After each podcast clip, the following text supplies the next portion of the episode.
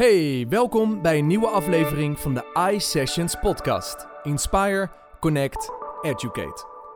In een tijd waarin iedereen door elkaar roeptoetert en meningen al snel dezelfde waarde als feiten krijgen, is verbinding tussen mensen vaak ver te zoeken. De missie van onze gast, Elke Wis, is om hier verandering in te brengen. In het boek Socrates op sneakers geeft ze praktische tips voor het beter leren stellen van vragen en zo de kwaliteit van gesprekken te verhogen. Luister je mee?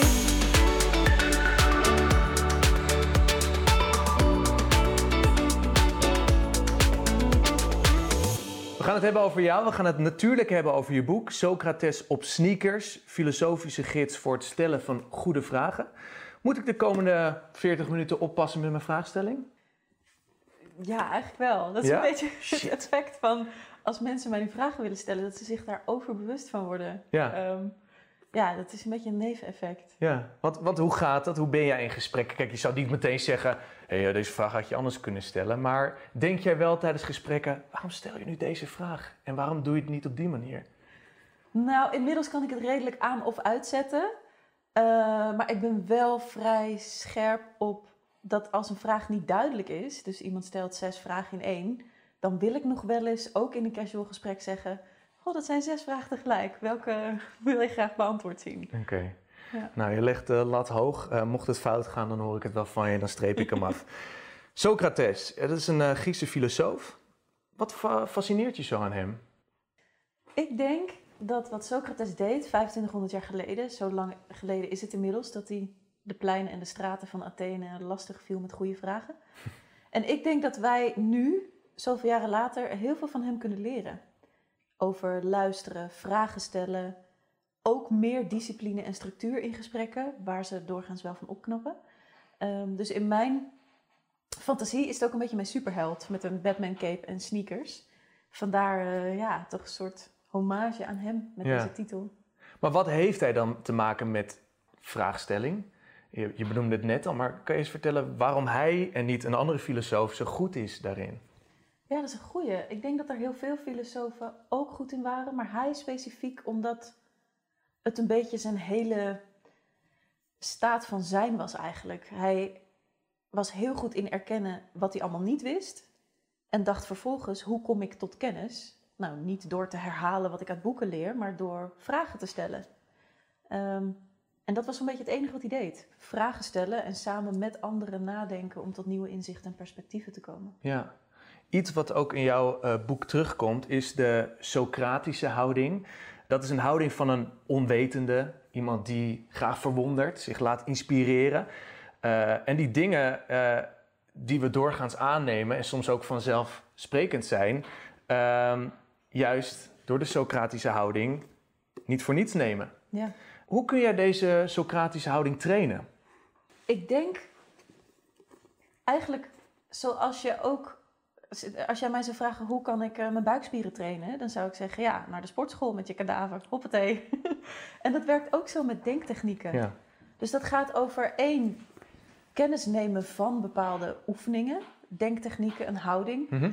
En anderzijds die houding ook trainen. En het lastige met de Socratische houding is dat het zowel voorwaarde is voor een goed gesprek als resultaat van het oefenen van vaardigheden. Hm. Dus dat is altijd een beetje lastig. Een nieuwsgierige houding heb je nodig om überhaupt vragen te gaan stellen. Maar je wordt ook nieuwsgieriger op het moment dat je het vaker doet. Oh ja. Kan je eens een praktisch voorbeeld geven? Nou, hoe het doorgaans werkt, wat dus niet zo handig is, is dat eh, je met iemand in gesprek raakt en dat je al heel snel dingen gaat invullen. Je kent elkaar vaak wat langer. Je hebt het misschien over dezelfde collega, dezelfde docent, waarvan je zegt: Oh ja, dat had ik ook, of dat herken ik. En voordat je het weet, zit je je eigen referentiekader en je eigen ervaringen, je eigen oplossingen over het verhaal van de ander te plakken. De Socratische houding zou iets anders doen. Die zou dat allemaal terzijde schuiven en eigenlijk heel onwetend, alsof je juist niet weet waar de ander het over heeft, ook het vanzelfsprekende gaan bevragen. Mhm. Dus ook al weet je wel of kun je wel inschatten wat de ander bedoelt als die zegt, eh, nou, ik zat met Karel in een eh, Zoom-sessie en die was weer lekker bezig. Stel, jij kent Karel en je denkt, och ja, dat doet hij bij mij ook. Dan nog weet je niet wat die persoon lekker bezig noemen vindt. ja. Dus als je je Socratische pet opzet, ga je juist dat soort vanzelfsprekendheden bevragen, waardoor de ander en jijzelf tot verrassende inzichten kunnen komen. Ja, dus je blijft heel erg objectief. Je, Ja. stelt niet, je gaat niet meteen op je mening af of op iemand anders mening, maar je blijft heel erg. Nou ja, op, op de oppervlakte wil ik niet zeggen, want je wil uiteindelijk wel de diepte in, maar je blijft wel heel erg objectief en je laat je niet meteen leiden door je eigen bril. Precies dat. En ik, ik vind het wel leuk dat je het zegt op de oppervlakte, want dat is het dus wel. Hm. Je gaat namelijk heel oppervlakkig luisteren naar Hm. de taal die iemand gebruikt. Als iemand zegt, ja, in dit project moeten we echt effectiever samenwerken, dan hoor je woorden effectiever en samenwerken. En mijn, mijn, de eerste neiging is om, is om daar mijn eigen plaatje bij te plakken. Maar het levert veel meer op als je de ander gaat bevragen, oké, je hebt samenwerken en effectief. Wat is dat dan? Ja, ja, ja, ja.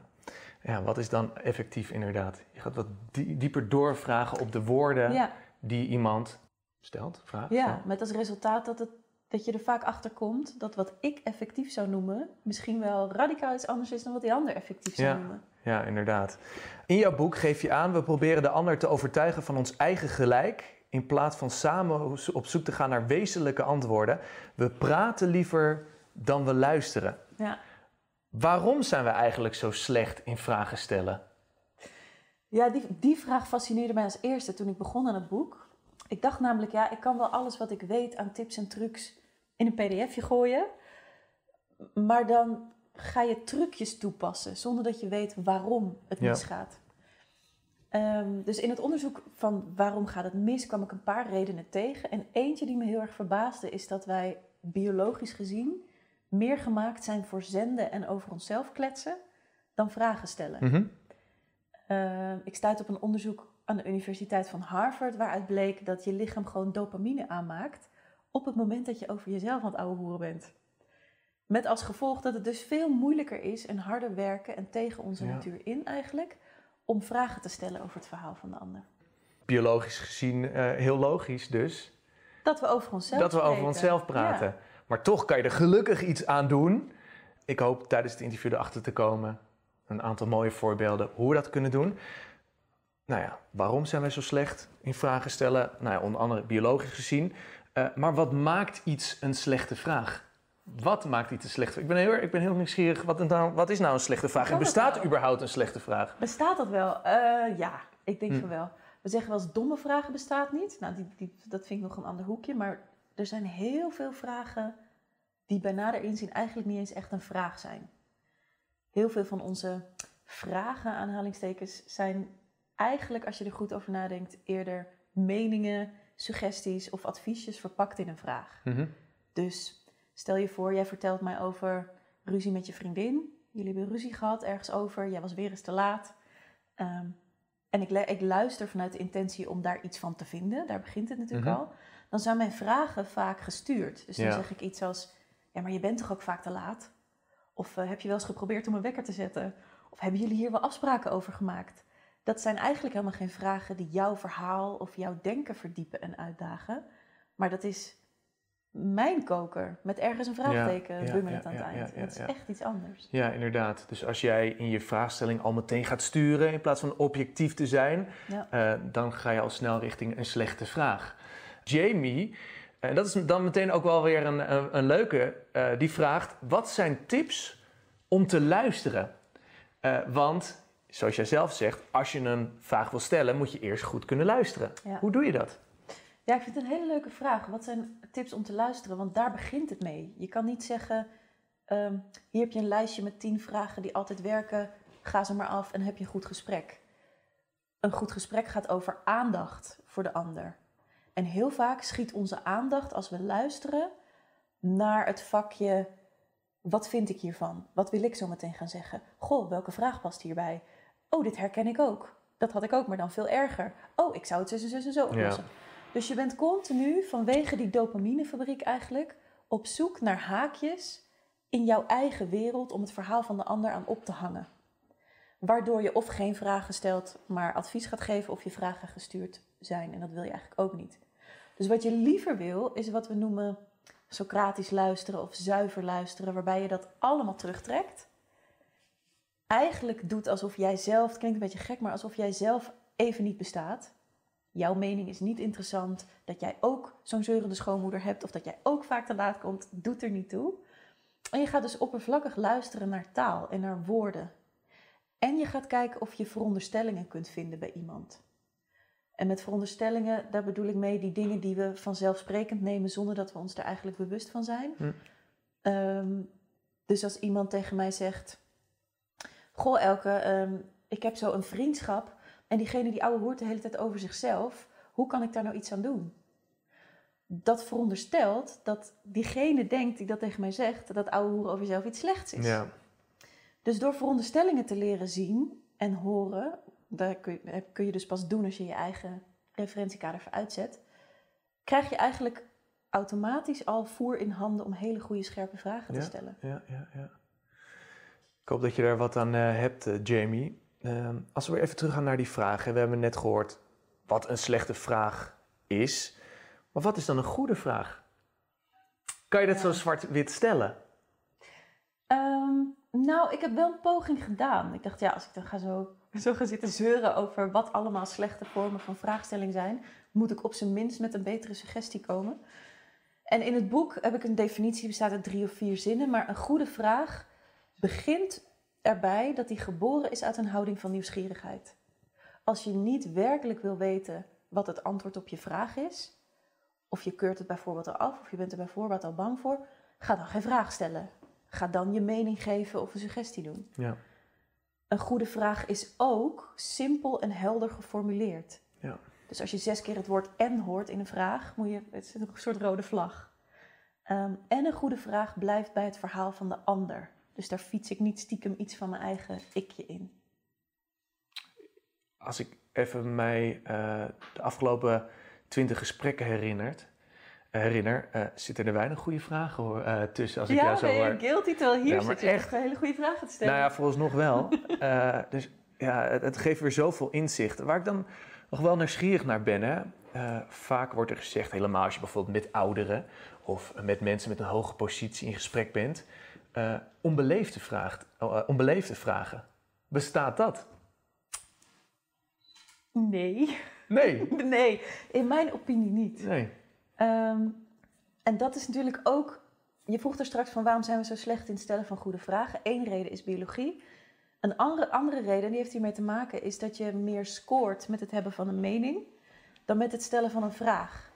En in deze maatschappij zeggen we letterlijk wel eens tegen elkaar ehm, dingen als: nee, dat is een onbeleefde vraag. Of we zeggen, zeggen tegen kinderen: maar dit mag je niet vragen hoor. Ja. Met als gevolg dat we natuurlijk doodeng gaan vinden om vragen te stellen. Die misschien mogelijk wel tot een supermooi gesprek kunnen leiden. Ja. Dus als er een hiërarchieverschil is, mensen in een hoge positie of ouderen, of er is een soort beleefdheidsongeschreven regel, dan denk ik altijd, ja, daar doen we onszelf en elkaar wel geweld mee aan. Want dat zorgt ervoor. Stel, ik zit hier met de directeur van Shell. Nou en? Naast directeur van Shell is het ook gewoon een mens die ik heel veel vragen zou willen Ja? stellen. Ja. Ehm, en ik, ik denk echt dat het zonde is om potentieel echt mooie, en mooie gesprekken om zeep te helpen, omdat je denkt dat een vraag onbeleefd is. Dat, dat Ja. snap ik niet zo. Dus gewoon doen. Ja, dus een vraag is ook een uitnodiging. Eigenlijk als ik jou een vraag stel waarvan ik denk, "Oh, zou wel spannend kunnen zijn, nodig ik je uit. Van joh, mag ik dichterbij je komen? Oh ja. Vind je dat oké? Ja. Eigenlijk zeg ik, ik heb zin in het, in het feestje van het goede gesprek. Oh, ja. doe je mee. Maar net als bij een gewoon feestje kun je die uitnodiging natuurlijk ook gewoon weigeren. ja. En zeggen, nou, dit, dit wil ik nu niet aanraken, Ja. dit topic, of deze vraag wil ik niet beantwoorden. Dat is allemaal fijn. Alleen wil niet zeggen dat je iemand niet moet uitnodigen. Ja, ik denk als je met deze mindset ook dat soort gesprekken ingaat, dat de angst ook verdwijnt. Omdat je in eerste instantie denkt van, oh, mag ik dit wel vragen? Terwijl jij, als je het ziet als een opening voor een goed gesprek, Ja. dat het ook weer wat makkelijker wordt en de drempel ook weer lager is. Ja, wat is dan het ergste wat je kan gebeuren? Dat Ja. iemand zegt, ik wil het er niet over hebben. Nee, nou, nou ja. oké. Ja, Maar dat wil niet zeggen dat je het niet moet blijven proberen. Want we- daar gaan we vaak vanuit. Oh, dan is die ander ongemakkelijk of dan wijst hij me af. Maar voor hetzelfde gaat zegt die ander... Wauw, deze vraag heeft nog nooit iemand aan mij durven stellen. En heb je een gesprek waarvan je jaren later nog Ja. denkt... Dat was echt een mooi eh, Ja, moment. Ja. inderdaad. Elke iSessions hebben we een kijkersvraag. En eh, deze week, of deze keer, is de kijkersvraag van Sanne. Laten we eens kijken. Hoi, mijn naam is Sanne Maat en ik maak nu zo'n acht maanden ongeveer uh, radio voor Kassikum 105. Af en toe mag ik dus ook mensen interviewen, wat super leuk is. Maar nu was ik eigenlijk wel benieuwd, hoe kan je nou in een kort tijdsbestek zo snel mogelijk tot de diepgang komen die je wil bereiken? Mm. Hoe kan je in zo'n kort mogelijke tijd tot diepgang komen en je doel bereiken? Is dat een goede vraag? Um, nou, het is een dubbele vraag. Mhm. Namelijk diep gaan komen en doel bereiken. Doel bereiken ja. Dus dat veronderstelt dat Sanne heet, hè? Sanne, ja. Dat Sanne denkt dat dat hetzelfde is. Dus die, die vraag zou ik al terug willen leggen. Mhm. Dus het eerste wat ik weer doe nu is veronderstellingen spotten. Oké, je hebt iets dat heet tot diep gaan komen en je hebt iets dat heet doel bereiken. Ja. Het zijn beide vrij vage concepten. Wat is je doel bereiken? En als je in een interviewsetting, ik begrijp hem wel, want je, je, zeker als je mensen interviewt, of journalisten of radiomakers, dan heb je natuurlijk, hoe je het ook bent of verkeerd, wel een agenda. Zeker als je maar een item mag maken van vijf minuten of twaalf minuten of nog erger uh, drie minuten. Um, ja, dan moet je daar inderdaad goed scherp over nadenken. Dus naast dat ik Sanne zou willen uitnodigen en iedereen die een vraag stelt, van kijk eens goed naar wat veronderstel je nou mhm. en bevraag dat eens, zou ik specifiek op de inhoud van de vraag zeggen, bereid dat wel heel goed voor en leg het ook uit. Ik vind een interviewsetting wel echt iets anders dan wij gaan nu Socratischerwijs een onderwerp uitdiepen. Dan mag het best wel allerlei kanten op. Maar interview wil je natuurlijk vrij snel trechteren. Ja. Ehm, en hoe explicieter je daarover bent naar degene die je interviewt, hoe handiger, denk ik. Want dat hm. voorkomt ook dat die ander allerlei paden kiest. Maar wat zeg je dan? Zeg je dan vooraf, we gaan het hier en hier over hebben? Probeer kort en bondig te antwoorden. Ja, of eh, als je gast dat kan handelen, of misschien er niet heel zenuwachtig van wordt. Ehm, ik weet nog, een van de eerste interviews die ik deed over mijn boek. Ze had dat niet gezegd van tevoren. Ging ze gewoon allemaal dingen vragen waarvan ik dacht: ja, maar je hebt mijn boek toch gelezen? Daar staat, je vraagt nu of ik letterlijk mijn boek wil herhalen. Dat zei ze op een gegeven moment ook: van ja, ik moet het van jou horen, anders mag ik het niet opschrijven. Zo werkt de journalistiek dus. Mm. Dus dan is het denk ik wel handig om te zeggen: joh, deze drie blokken of deze punten wil ik aanstippen in ons gesprek. Is er ook nog iets, wordt nu tegenwoordig heel vaak aan mij gevraagd, is er nog iets wat jij heel belangrijk vindt wat je wil zeggen en waar past dat dan?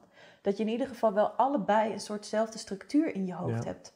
Anders heeft de een, het is natuurlijk een beetje raar, als wij samen op roadtrip gaan en jij hebt al een route in je hoofd en ik ga in mijn hoofd en ik ga met jou mee in de veronderstelling dat we ook naar links en naar rechts kunnen als ik daar zin in heb. Dat werkt niet. Beter ga je dan zeggen, we gaan naar Frankrijk en dat wil ik ongeveer doen via die route. Dan weten we het in ieder geval allebei. Ja, ja, ja. ja. Iets wat ik uh, graag nog tegen je aan wil houden is, um, nou sowieso wat ik al op jongse, jonge leeftijd al heel vaak kreeg te horen. Kinderen die vragen worden overgeslagen. Maar kinderen die zwijgen zullen ook niks krijgen. Hele mooie daarna. Um, Moeten we kinderen niet juist stimuleren om vragen te stellen? En is dit niet gewoon een hele rare reactie van de juffen? En dat ik vroeger elke week dit wel te horen kreeg? Ja, totaal. Dat, ja, dat is natuurlijk heel raar. Dus als je goed gaat kijken en luisteren naar wat we onze kinderen leren over vragen stellen, ja, dat, dat, daar bloedt mijn hart wel een beetje van. Ja. Wat jij zegt, kinderen die vragen overgeslagen. Dit mag je niet vragen hoor, dat is een onbeleefde vraag. Nee, dit mag je nooit aan volwassen mensen vragen. Ja. Daarmee creëer je weer een cultuur waarbij je opgroeit en denkt dat vragen iets is wat de ander last bezorgt. En wat dus niet mag en wat we moeten inslikken en we moeten op onze tenen lopen. En je creëert een soort mijnenveld van ik wil wel vragen, want ik voel nieuwsgierigheid, maar ik durf het niet. Want stel je voor. En ik geloof oprecht dat we nu in deze niet al te makkelijke tijd heel veel gesprekken zien over corona, over MeToo, over discriminatie, over Zwarte Piet. Dat zijn grote onderwerpen waarbij we elkaar niet meer goed durven bevragen en kunnen bevragen. Nou, dat begint al bij dat we dat, vind ik, echt niet meer moeten doen nee. richting onze kinderen. Op welke manier kan je dat onderdeel laten worden van het onderwijs? Of het nou basisonderwijs is, middelbare school of het hoger onderwijs? Nou, in mijn ideale wereld hebben we binnen een paar jaar iets wat we dan denk- en vraagles noemen. Mhm. Want kinderen hebben het natuurlijk wel vaak, maar we werken het er vrij vakkundig uit, Mhm. omdat we ons onderwijs hebben ingericht, bij mij op school ook. Er is een juf en die weet wat er in het boek staat. En die stelt vragen waarbij je het spelletje moet spelen, raad eens wat er in mijn hoofd zit. Waarmee je dus het, het, nieuwsgierige vermogen ehm, dat kinderen hebben, eigenlijk langzaamaan uitdooft. Dus ik zou zeggen, laten we filosoferen met kinderen in de klas. En dat vinden leerkrachten, is mijn ervaring, heel erg moeilijk. Hm. Die willen toch vaak zelf zeggen wat ze ergens van vinden. Of toch vaak... De kinderen vinden het ook moeilijk, hè? Die kijken dan op een gegeven moment na een half uur naar de juf. Dan zeggen ze, ja, maar nu, nu gaat u het goede antwoord geven, toch? Ja. Ja. Terwijl het, he- het hele punt is om je eigen denken te onderzoeken en dat van elkaar Ja. te bevragen. Laten we zo meteen wat eh, dieper inzoomen hoe je filosofie toegankelijk maakt. Mhm. Ik ben ook heel erg benieuwd welke bekende Nederlander, of misschien wel internationale bekende persoonlijkheid, jij zou willen trainen. Er komen leuke vragen binnen. Ik zie eh, Frits die zegt: hoe zet je je eigen referentiekader uit en welke technieken kun je daarvoor gebruiken? Dat is een mooie vraag, hè? Ja, een hele. En, ehm, want als je het zo hoort, dan denk je, ja, dat wil ik. Mijn eigen referentiekader uitzetten. Maar hoe doe je dat nou? Dus ik vind hem echt heel goed, Frits. Dank. Nou, volgens mij begint het ermee dat je je heel bewust wordt van wat jouw referentiekader dan eigenlijk is. En dat doe je heel concreet door in gesprek te vertragen. En daarmee bedoel ik letterlijk, jij vertelt mij een verhaal en in plaats van dat ik gelijk reageer vanuit het eerste wat in me opkomt, mijn eerste associatie, Mhm. hou ik letterlijk even 10, 20 seconden mijn klep dicht. En in die stilte kan ik observeren, wat denk ik eigenlijk? Wat is mijn eerste gedachte? Wat is mijn eerste vraag? En daarachter ligt vaak nog meer Mhm. aan mogelijkheden. Mhm. Maar daar komen we vaak niet omdat onze gesprekken zo snel gaan. Dus je eigen referentiekader leren uitschakelen begint bij vertragen, bewust zijn van wat denk ik eigenlijk. En daarna andere opties bedenken en die dan vervolgens kiezen. En hoe langer je dat traint, hoe meer eigen die vervolgopties worden. Die trek je dan als het ware naar voren, waardoor die eerste oordelen uiteindelijk niet eens meer zo heel vaak voorkomen. Want hoe doe je dat dan? Want je, je luistert naar een gesprek. Eh, ondertussen moet je ook eh, je eigen referentiekader eh, proberen helder te krijgen. Hoe zorg je dan voor dat je uiteindelijk toch, in dit geval, dat ik naar jou kan luisteren en niet meteen denk aan mijn eigen vooroordelen en dergelijke? Hoe doe je dat?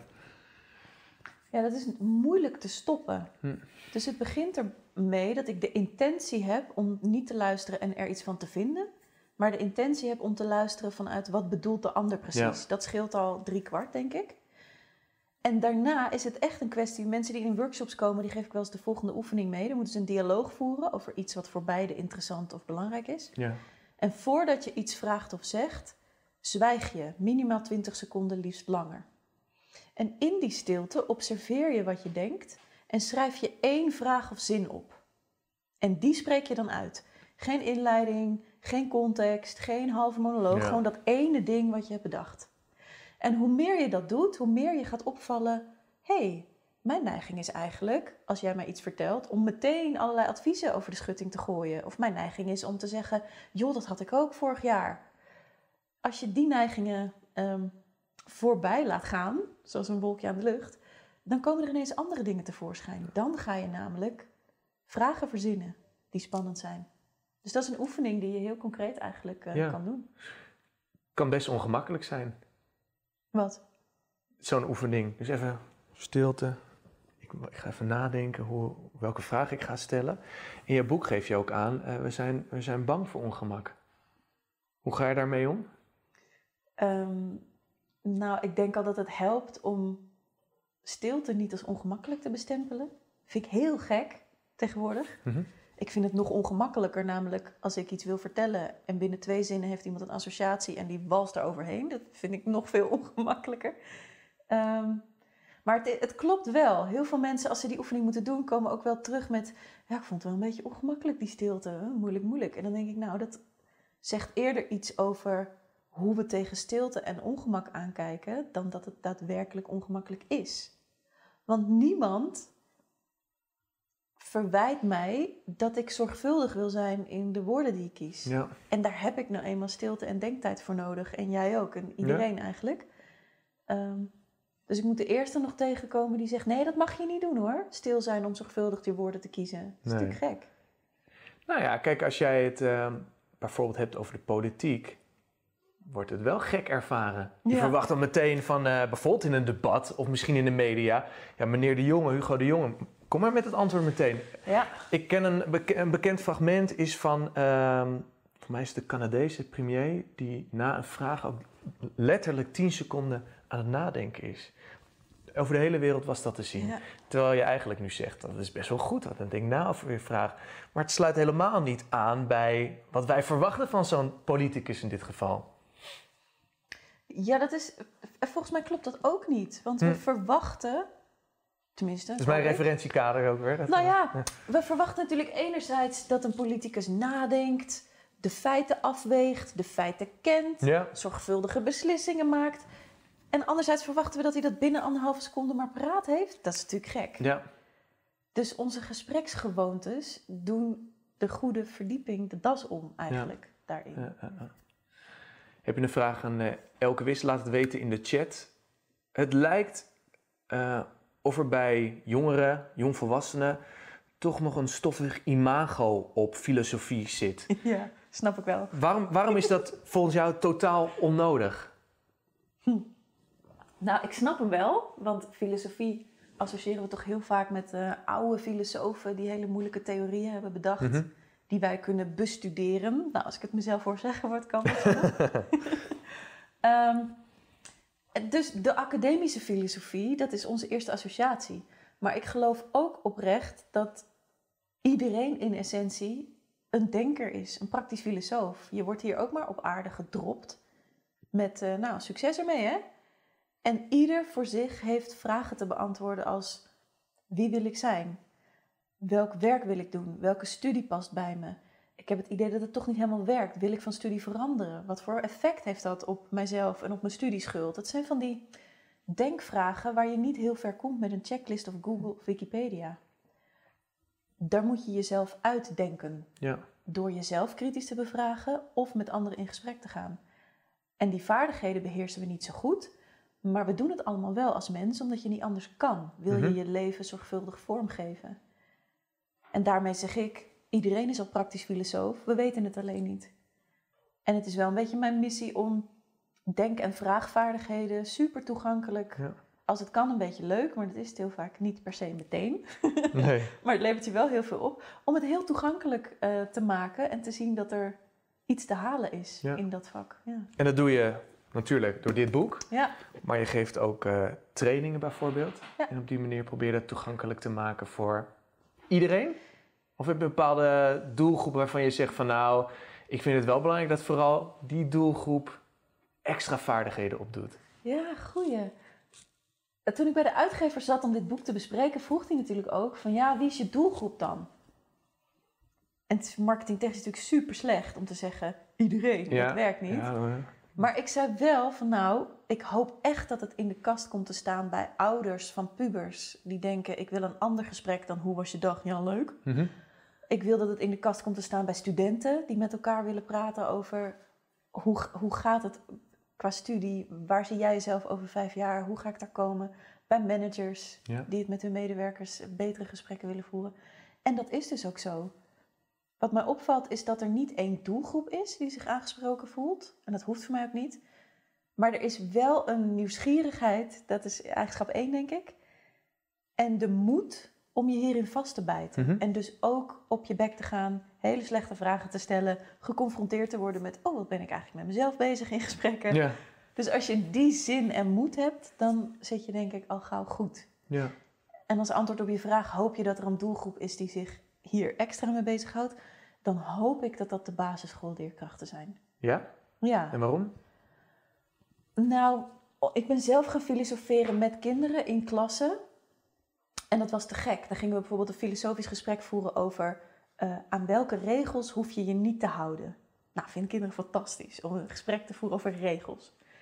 Maar dan ging ik vervolgens weer weg. En ik, was, ik had bij wijze van spreken de deur nog niet dicht gedaan.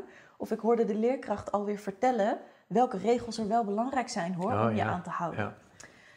Dus als we echt impact willen maken en de Socratische houding nou ja, wat meer in de maatschappij, in onze debatten, in de politiek willen krijgen, zou ik zeggen, begin zo vroeg mogelijk.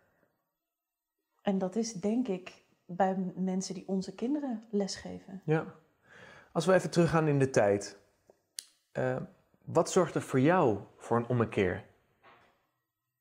Wanneer was de eerste keer dat je dacht van...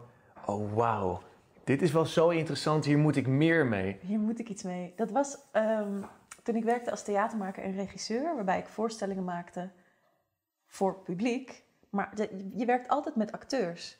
Dus het is best wel een ingewikkeld proces om je eigen creatieve proces helder te krijgen. Van wat wil ik nou zeggen tegen het publiek? Mhm. En wat moeten die acteurs dan gaan doen of zeggen of meemaken?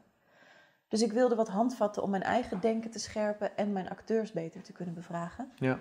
En toen dacht ik, ja, ga ik een coachopleiding doen, toch? Dan, dan moet je dat gaan doen.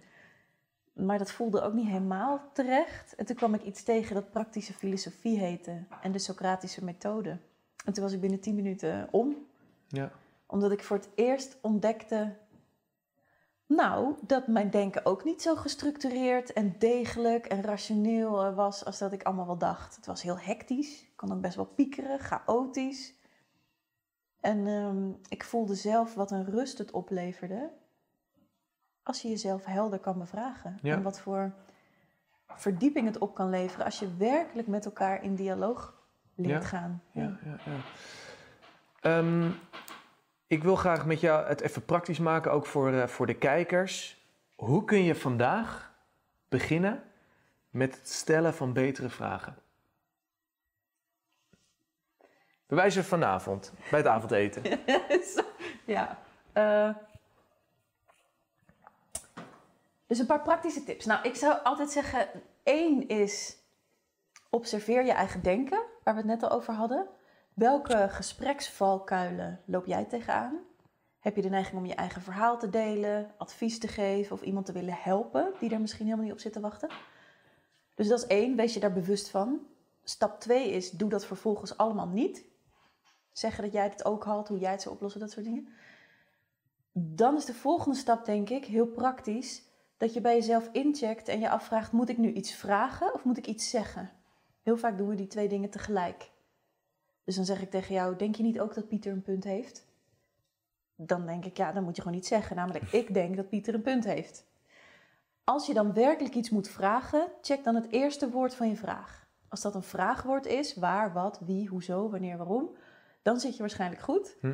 Maar is dat een werkwoord of een vervoeging daarvan? Denk, zou, denk je niet dat, zou het niet zo kunnen zijn dat?